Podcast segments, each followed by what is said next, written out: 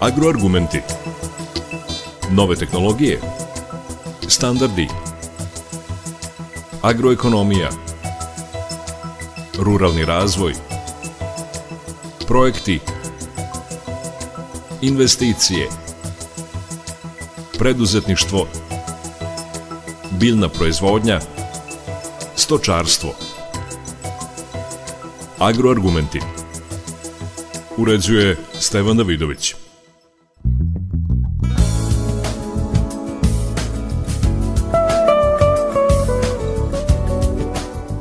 Dobar dan. Nalazimo se u periodu kada treba odrediti pravi trenutak setve šećerne repe i drugih prolećnih kultura. To je veoma važan moment u biljnoj proizvodnji, jer setva u pogrešnom trenutku može znatno da umanji rod, a time i zaradu ratara. Zato je pitanje kako u prolećnoj setvi umanjiti troškove i sačuvati vlaga u zemljištu za celu sezonu, problem kojem posvećujemo agroargumente. Gost u studiju je profesor Branko Marinković. Evo, profesore, zaista imate bogato iskustvo i u teoriji i u praksi. Na pragu smo prolećne setve, šta nam je činiti? Moramo i sada i uvek, kad je u pitanju poljoprivreda i tehnologija proizvodnje, proizvođač mora da traži da vidi gde mu je mogućnost da on ostvari što racionalniju proizvodnju i što uspešniju proizvodnju. Uvek upozoravam proizvođače, to su svetska istraživanja, da maksimalni prinos nije i ekonomski najisplativiji. 10 do 15% u zavisnosti od cena, 10 do 15% od maksimalnog prinosa je ekonomski najisplativiji. O tome moraju proizvođači da vode računa, bez obzira o kojoj se agrotehničkoj meri radi, da li sada o setvi ili o nekim drugim agrotehničkim merama. Mnogo toga utiče na prinos sami ste sada to spomenuli. Ali da krenemo od onog što je sada e, najbitnije da se uradi, da bi se taj prinos postigao uz, evo, kao što ste rekli, uz neki ekonomski efekt. Da, u ovom trenutku ili ajde i mesec dana ranije, trebalo je krenuti sa uzorkovanjem zemljišta, uraditi analizu, e, zatim na osnovu analize vršiti prvo i drugo prihranjivanje, i na taj način normalna stvar uz sve ostale agrotehničke mere koje slede kod ozimih useva, pšenice, ječma i kod uljane repice, voditi agrotehniku tako da se ostvare optimalni prinosi. Kod ostalih jarih useva, šećerne repe, suncokreta, soje, kukuruza, uzimati uzorke i na osnovu analize zemljišta raditi preporuku džubrenja, jer sve drugo, ako je e, mala vlaga u zemljištu, bez obzira gde šta, kako je. Imam puno na približno istom lokalitetu, da je na nekoj njivi jedna količina vlage, na drugoj njivi druga količina vlage. Kako je to moguće? Pa moguće je prvo, evo ovih dana Novi Sad je dobio puno padavina, Apatin je dobio samo 2 litre. Moguće je. Da li sam ja kao proizvođač čuvao tu vlagu u toku leta ili u toku prethodne godine. Da li je na toj mojoj njivi rodilo prošle godine 10 tona ili 2 tone? 2 i 10 tona nisu mogle odneti istu količinu vlage. Znači jednostavno ne smemo da se oslanjamo, ej, kod komšije ovako ili na, kod mene je na onoj njivi onako, a to je tako isto i, i na ovoj njivi. Nažalost, kažem nažalost, imao sam rezultate gde je toliko velika količina mineralnog azota da proizvođač samo moli, može da moli Boga da padne kiša uvek kad treba ili, ili nema prinosa. Zašto? Zašto pređubriti? Zašto? To mi nikako, nikako nije jasno, kao ni ono zašto ne nađubriti optimalno. Šta se događa na terenu? Evo, u pripremi za razgovor rekli ste mi da upravo radite uzorke, poljoprivnici donose, ne samo ratari, nego i povrtari, neki i malo žure, možda i o reč dve o tome kada je pravo vreme da se uradi ono o čemu ste sada govorili, da sada ipak smo na stvarno u finišu pripreme za setvu. Da, upozoram proizvođače, moraju vojiti računa. Evo, jutro se sonda na terenu, ima njiva gde tone, tonu točkovi ne smu ulaziti u njive po vlažnom. Toliko je moćna mehanizacija. Toliko će moći, očekuje se do prvi dana aprila, da bude lepo, da se prosuši. Odgore se prosušilo, da li dole toliko mekano zemljište i vlažno da će tonuti točkovi traktora, da će seto spremači ili bilo koje oruđe za predsvetanu pripremu praviti dole, meljati, praviti, ne kažem, blato. Čemu to? Znači, sačekati optimalnu vlagu, a kad bude optimalna vlaga, onda nema radnog vremena, to proizvođači jako dobro znaju, ali ne treba žuriti. Ne treba žuriti ono što priroda nije dozvolila, pokušajmo da nikad prirodu ne, ne ubeđujemo da smo mi u pravu, a ne ona. Znači jednostavno pratiti prirodu i kad priroda dozvoli onda tako raditi. Nemojmo, pogotovo ne teška zemljišta, ih mučiti, da ne kažem neku drugu težu reč, nemojmo to raditi zemljištu. Jednom kad ga izgazimo po vlažnom po blatu, treba 4, 5, 6 godina da mu se vrati struktura. Kada se stvore uslovi o kojima ste sada go govorili za recimo šećernu repu, e, kakva je idealna priprema e, zemljišta pred samu setvu u momentu ulaganja semena? Nada se da je većina poljoprivrednih proizvođača prvu pripremu uradila kasno jesenas ili zajedno sa plugom ili eventualno januaru su teško mogli jer nije bilo, nije bilo dana da se to može uraditi, da je prva predsjetna priprema urađena. Drugu predsjetnu pripremu uraditi plitko da se stvori samo taj dole setveni sloj na 5-6 cm optimalno zbijen, kako je to pokojni profesor Drezin govorio, optimalno zbijen na posteljica i mek pokrivač, mek rastresit gornji sloj zemljišta koji će pokriti seme. Sa setvom, tačno je, bilo je godina kad smo mogli prvi dana marta da sejemo. Ove godine nije moglo.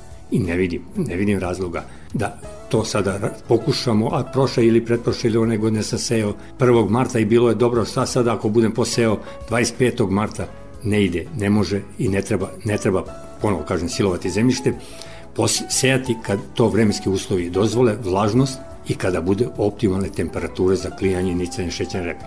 Kod šećerne repe nije problematično jer ona e, klija i ničanje na 5 stepeni, dok ostali jari usevi treba im više temperature, pogotovo kukuruz 8 stepeni i 10, ali e, treba voditi računa. Mi često imamo prvi dana aprila mrazeve i nije redak slučaj da nam i 30 i 50% setve i poniklih useva šećerne repe odnesu mrazivi. Znači, pokušajmo se uklopiti, nažalost, nisu urađene korelacije da se vidi kada je to verovatnoća, nešto što sam ja radio, e, ispada da je recimo tu negde oko 20-25. marta jedan optimalni rok, pa onda sledeći rok koji je davao dobre rezultate je negde od 5. do 7. 8. aprila između toga nešto se dešavalo na osnovu rezultata iz proizvodnje. Nažalost, nije to sve dovedeno do, do kraja. Često nismo imali ni ukupno dobre podatke, ali mislim kada bi se takve neke parametri skupili, onda bi mogli da znamo kad su to momenti kada ići na ili kada prekinuti setu ako nešto, nešto ukazuje da ti nekoliko dana će biti uticaće na niži prinos. Kako profesore proceniti koliko opteretiti njivu, odnosno kakav sklop? Kako tu, to je zaista sada nezgodno, u sušnim godinama jedna je preporuka, a kada ima kiše druga. Kako ovako sada u vreme setve kada se još ne zna kakva će biti godina 100%, kako taj, taj moment odrediti? Dakle, opterećenje njive. Da, davno još.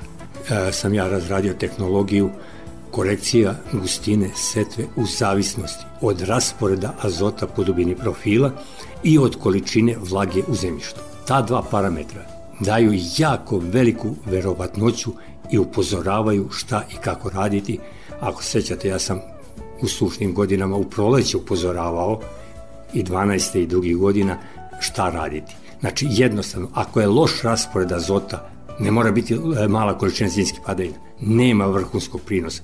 Ako je loš raspored azota, znači velika količina azota u površinskom sloju i mala količina vlage, ne mora biti opet samo padavine.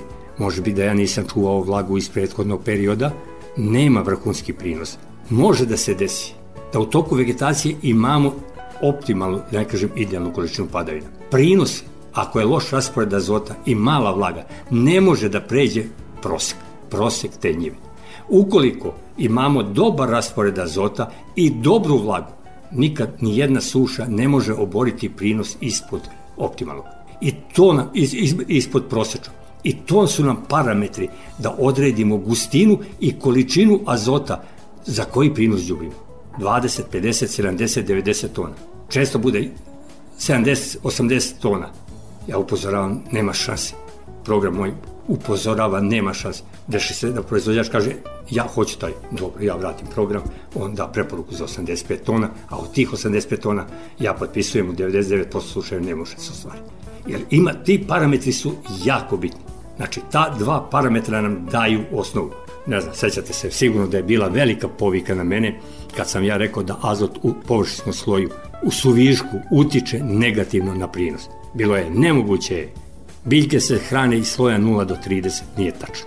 I sad je bilo ono, da li je ovako ili onako, jednostavno, jedno 5, 6, 7 godina posle tih mojih prvih radova se jedan Amerikanac ohrabrio da kaže da azot u sloju od 0 do 30 kod kukuruza preko optimalne količine deluje negativno. Znamo to, zašto ne, ne, ne, ne, ne, ne primenjujemo, zašto često neke stvari donosimo odluke, ne znam kako. Ali ponavljam, znači, jedna njiva može da ima dobar raspored na približno istom lokalitetu, 500 metara dalje druga njiva nema taj raspored. Jedna njiva može da da, jer ima dubok humusno akumulativni horizont, može da da 80 tona, druga ne može da da više od 70 tona. Dakle, izuzetno egzaktni podaci su potrebni da bi se sklop odredio. Upravo, upravo. Na rimskim šančevima, ona tri velika stacionarna ogleda, monokultura kukuruza, onaj MPK ogled veliki, ISDV i ISDV ogled. Ta četiri ogleda, između njih nije više od 500-600 metara razmaka.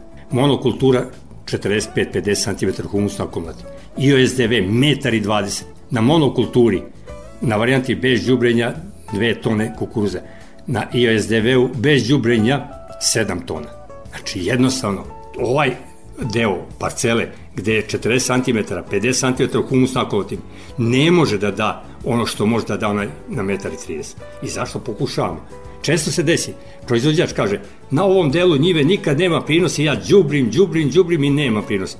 Uzmemo uzorak, taj deo njive pređubrim. On je računao na tom delu njive nema prinosa ili na toj njivi nema prinosa, sad ću ja da pođubim. A ona napravi efekat kontra, dodaješ viška hraniva, ta njiva ne može da da i još, još teže. Nemojmo, nemojmo to raditi, ajmo, ajmo pokušati drugačije upravo upozoram proizvođače da bi oni zaradili. Jer oni rade da bi zaradili, a ne, slažem se, i uživanje u svemu tome lepo, ali moraju da se zaradi. dragi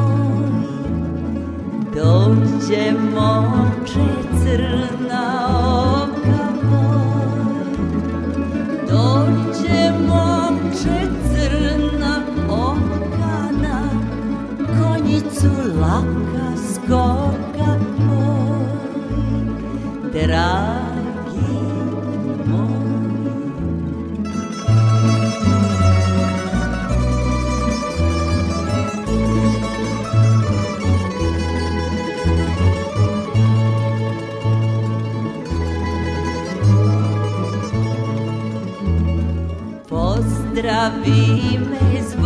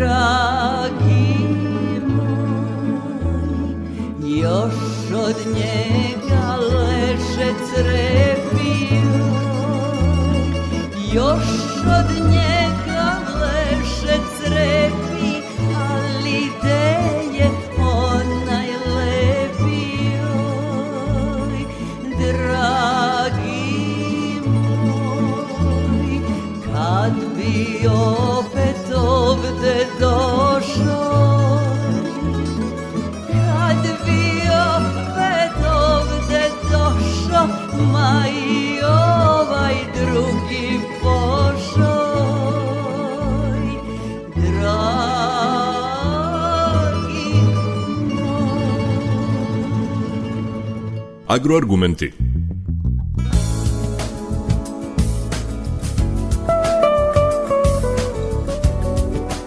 Kad je kod zarade i setvene strukture, e, prinos zavisi i od preduseva.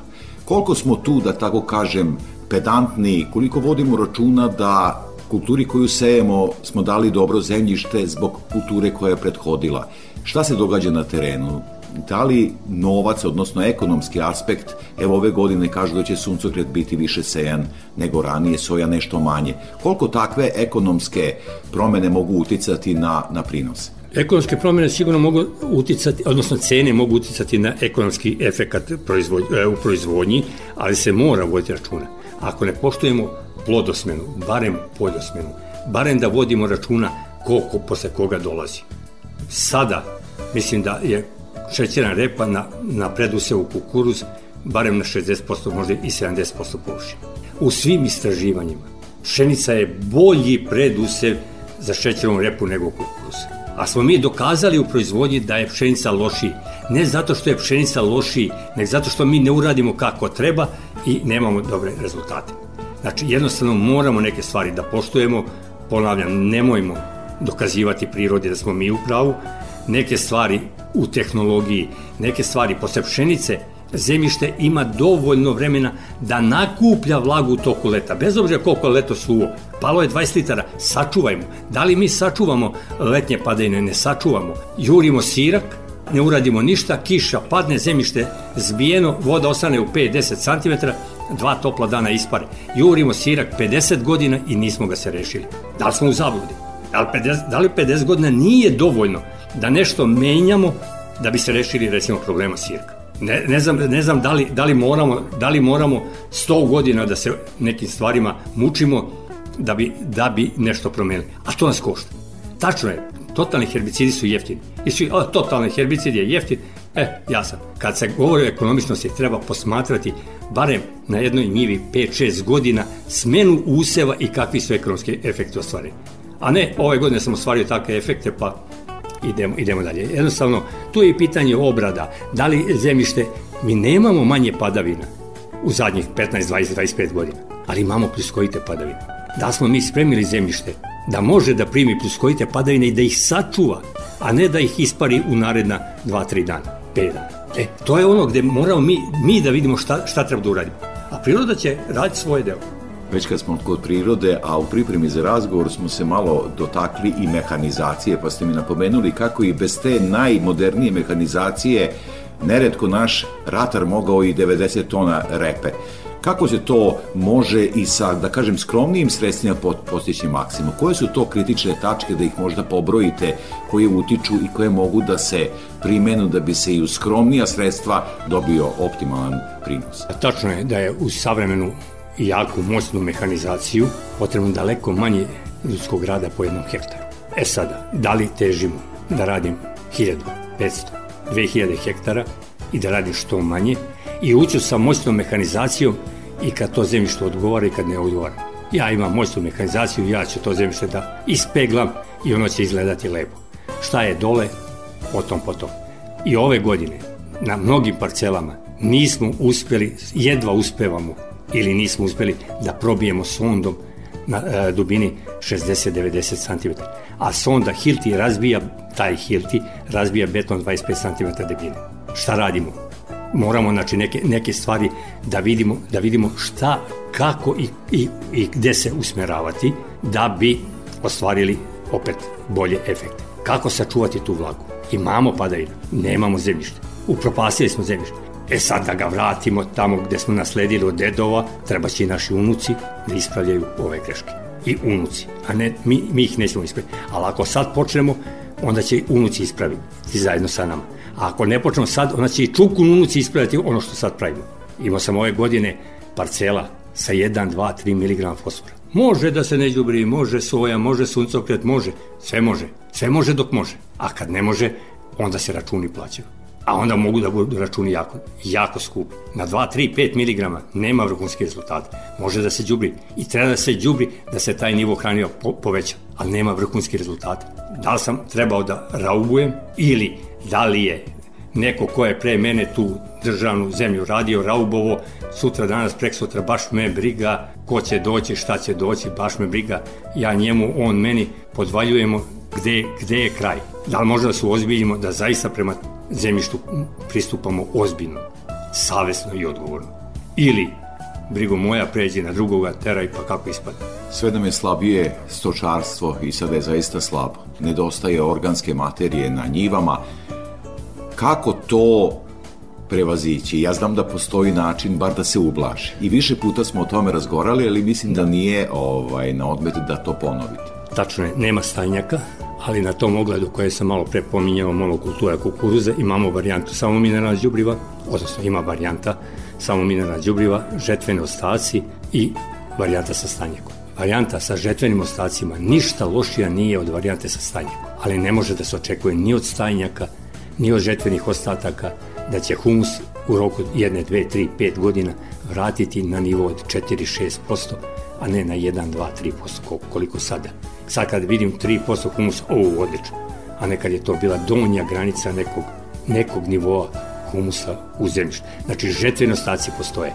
Nažalost, nažalost, izmišljamo obnovljivi izvori energije, žetveni ostaci, organska materija, kao izvor obnovljivi izvor energije. Šta radimo? Za oravanje žetvenih ostataka vraćamo hranjive materije, potrebno nam je manje đubrići, ne, ne, ne, ne možemo sad proizvoditi sa tim. Znači, ta količina žetvenih ostataka nam ostavlja količinu e, e, mineralnih materija. E, spaljivanje, da li u kotlovima ili na njivi, azot odlazi u atmosferu. Koliko je potrebno? Potrebno je jako puno džula da bi se vezao 1 kg azota da bi dobili nitratni ili amonijačno đubrivo. Opet pitanje šta radimo? Zaoravanjem žetvenih ostataka mi povećavamo prinos glavnog proizvoda, zrna kukuruza, soje, pšenice ili šećerne repe. Može šećerna repa da bude izvor obnovljivi izvor energije, da se od melase proizvodi etanol, da se od zrna kukuruza proizvodi etanol.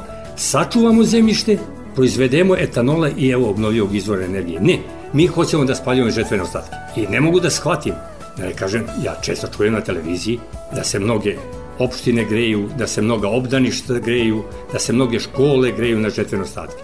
Da li je to budućnost? Jednostavno, neke stvari, ja ne znam da li neko nekog ne sluša ili neće da sluša ili neće da čuje, ne da sluša, neće da čuje. Što to radimo? Nije mi jasno. Ali sa argumentima, ja imam argumente za sve ovo o čemu vam pričam. Znači, jednostavno, često kažu poljoprivredni proizvođači, ali ja se grejem na svojim slamu. Izračunaj troškove. Izračunaj koliko si fosfora i kalijuma odneo. Izračunaj koliko si azota izgubio iz sojine slame, koliko košta to i koliko si upropasio humus i koliko ćeš imati problema ti ili tvoji sinovi i unuci, pa onda mi kaže da je to rentabilnije. Pogotovo do sad dok je gaz bio jeftin, dok je. Ali jednostavnije gurneš balu slame i milina. Znači, jednostavno, nadam se da mi niko neće zameriti, često bežimo od više rada, idemo to što smo pričali o mehanizaciji, idemo linije manjeg otpora, tačno je, uz onu, onu drugu mehanizaciju trebalo je više traktora, više rada, više sati rada po jednom hektaru direktnog ljudskog rada, ajmo da bude što manje, ispada da je čovekov ili ljudski rad najskuplji u toj proizvodnji, a mislim da nije, Da li ići u jednom ili drugom pravcu, to je sad pitanje šta i kako raditi uz, ponavljam, uvažavanje tog čoveka koji radi u poljoprivredi. Često na televiziji možemo čuti. Hrana nam je najskuplja, najviše para trošimo za hranu. Šta treba da bude hrana besplatna ili kako? Jednostavno, znači i taj koji proizvodi tu hranu treba da obezbedi sebi dohodak i da može da živi. E sad tu je onaj ko kupuje, njemu je uvek skupo, onaj ko prodaje njemu je uvek jeftino, ali mislim da trebalo bi, kad se nastupa, da ne kažem, javni nastupi, kogod nastupa da ozbiljno postavi pitanje i jedne i druge strane da se vidi šta i kako raditi. Po meni, uz više rada, može to da se radi drugačije, ali pitanje onda da li u selu svi vide da ja imam John Deere ili imam Belorusa. Na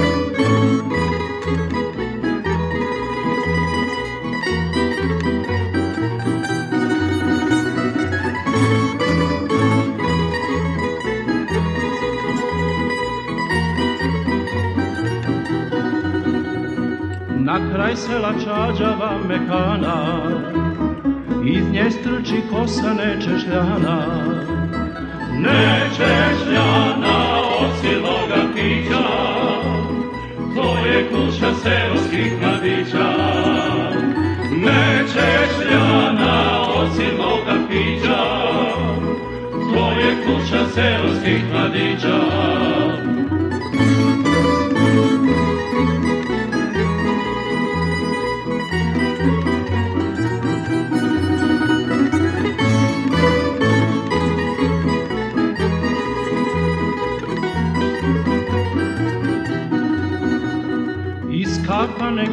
Pijan ja izlazim, čudnovate ulice nalazim. Levo, desno, nigde moga stana, oj ulice, ala si pijana. Levo, desno, nigde moga stana, oj ulice, ala si pijana.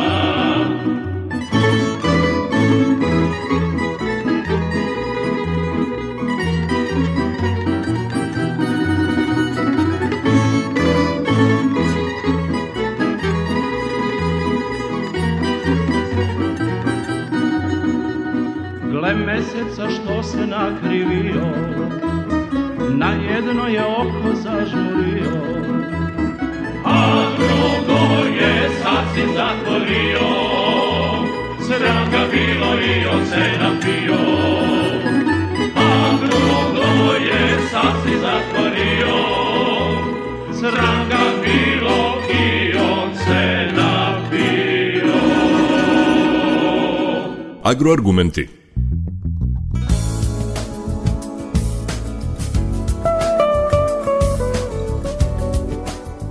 Profesore, pomenuli ste samo da se kratko vratimo plužni džon.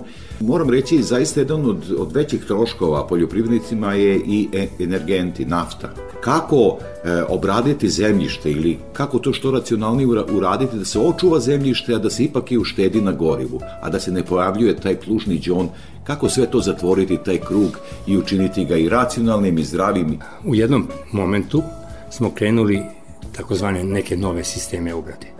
Tačno je da i oblada plugom ima prednosti i nedostatak. I redukovani sistemi obrade, bez obzira koji su, imaju i prednosti i nedostatak. A zašto ne kombinujemo ta dva sistema? Zašto ili ili? Znači, jednom u tri, četiri, koliko godina obrnuti plasticu, poorati, a u međuvremenu za biljne vrste koje podnose da, da se radi redukovana obrada. Orati za pšenicu i ječam i uljanu repicu u jesen, kada je suvo, to je čista propast. Tu izvršiti redukovana obrada. Posle koliko godina, zavisno se od mehaničkog sastava, uraditi obradu. Potruditi se što pre traktore izbaciti desni točak iz brazda. Što pre. Zašto mehanizacija nije išla u tom pravcu? Neki traktori mogu, neki, sa nekim plugovima. Daj da vidimo da li možemo što pre da izbacimo taj desni točak. 70% je optereć težine traktora na tom desnom točku, prednjem i zadnjem. Imali smo zapregu. Sa zapregom, sa konjima i onim plugom koji nije ništa težak, smo napravili džon plužni. Kad su došli traktori prorali malo dublje, o, vidi kako je. Sad smo napravili plužni džon na 50, 60, 70 cm. I kaže, podrivamo ja na 35-40.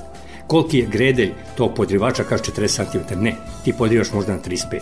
Jer zemljište se rastresi i ako dođe do gredelja, čizela i bilo kojeg podrivača. A mi smo stvorili plužni džon, već na 50, 60, 70, šta ćemo da radimo? Pa evo sada od kiše, voda leži. Koja? Gornja. Malo mi imamo podzemnih voda, svi kažu po terenu sa kojima razgovaram, kanali su prazni. Znači nisu podzemne vode ugrozile, ali po njivama leži. Šta nam leži? Leži nam voda od kiše. kiša padne 10 litara i voda već leži. I vidim mnoge pšenice već ugušene, požutele zbog suviška gornje vode. Jednostavno, ona koja nije požutela, nije ni njoj lepo, ono je malo, malo, malo viši taj deo od te bare i ona je davljena i, i muči se, a ona u samoj dolji je udavljena, udavljena pšenica. Koliko ćemo izgubiti prinosa zbog svega toga? Kad pitam proizvođače koliki traktor ima, 130 konja, koliki je radni broj rad, e, organa za, za razrivanje, kaže 5. A svi tehnički podaci naših mehanizatora govore ako hoćemo kvalitetno da podrijemo po jednom radnom organu treba 90 konja. Znači pravimo probleme. Profesore, za kraj razgovor ostaje nam, odnosno ostaje meni, da vas zamolim za neke preporuke, savete koje možda nisam pitao i neku poruku našim poljoprivrednicima. E, moja poruka bi bila jednostavna. Vodite računa da ono što, što zavisi od vas, dragi moji proizvođači, da vi to uradite kako treba. Racionalno, optimalno.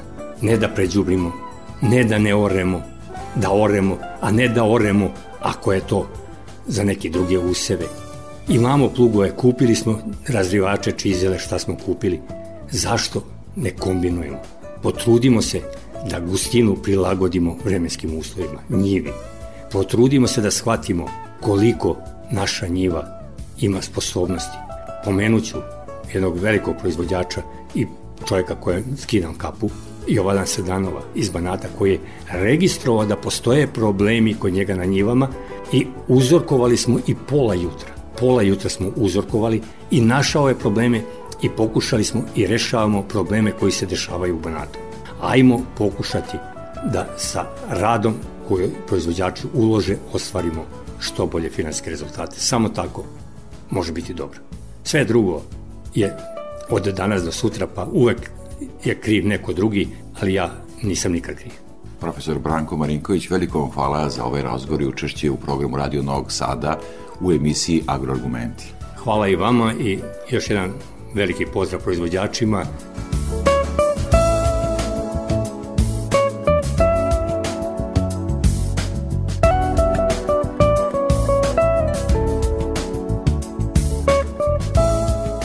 Slušali ste Agroargumente, emisiju montirala Marica Jung. Pozdravlja vas urednik i voditelj Stevan Davidović. Možete nas slušati na portalu Radio Televizije Vojvodine na adresi rtv.rs. Ostanite uz naš program.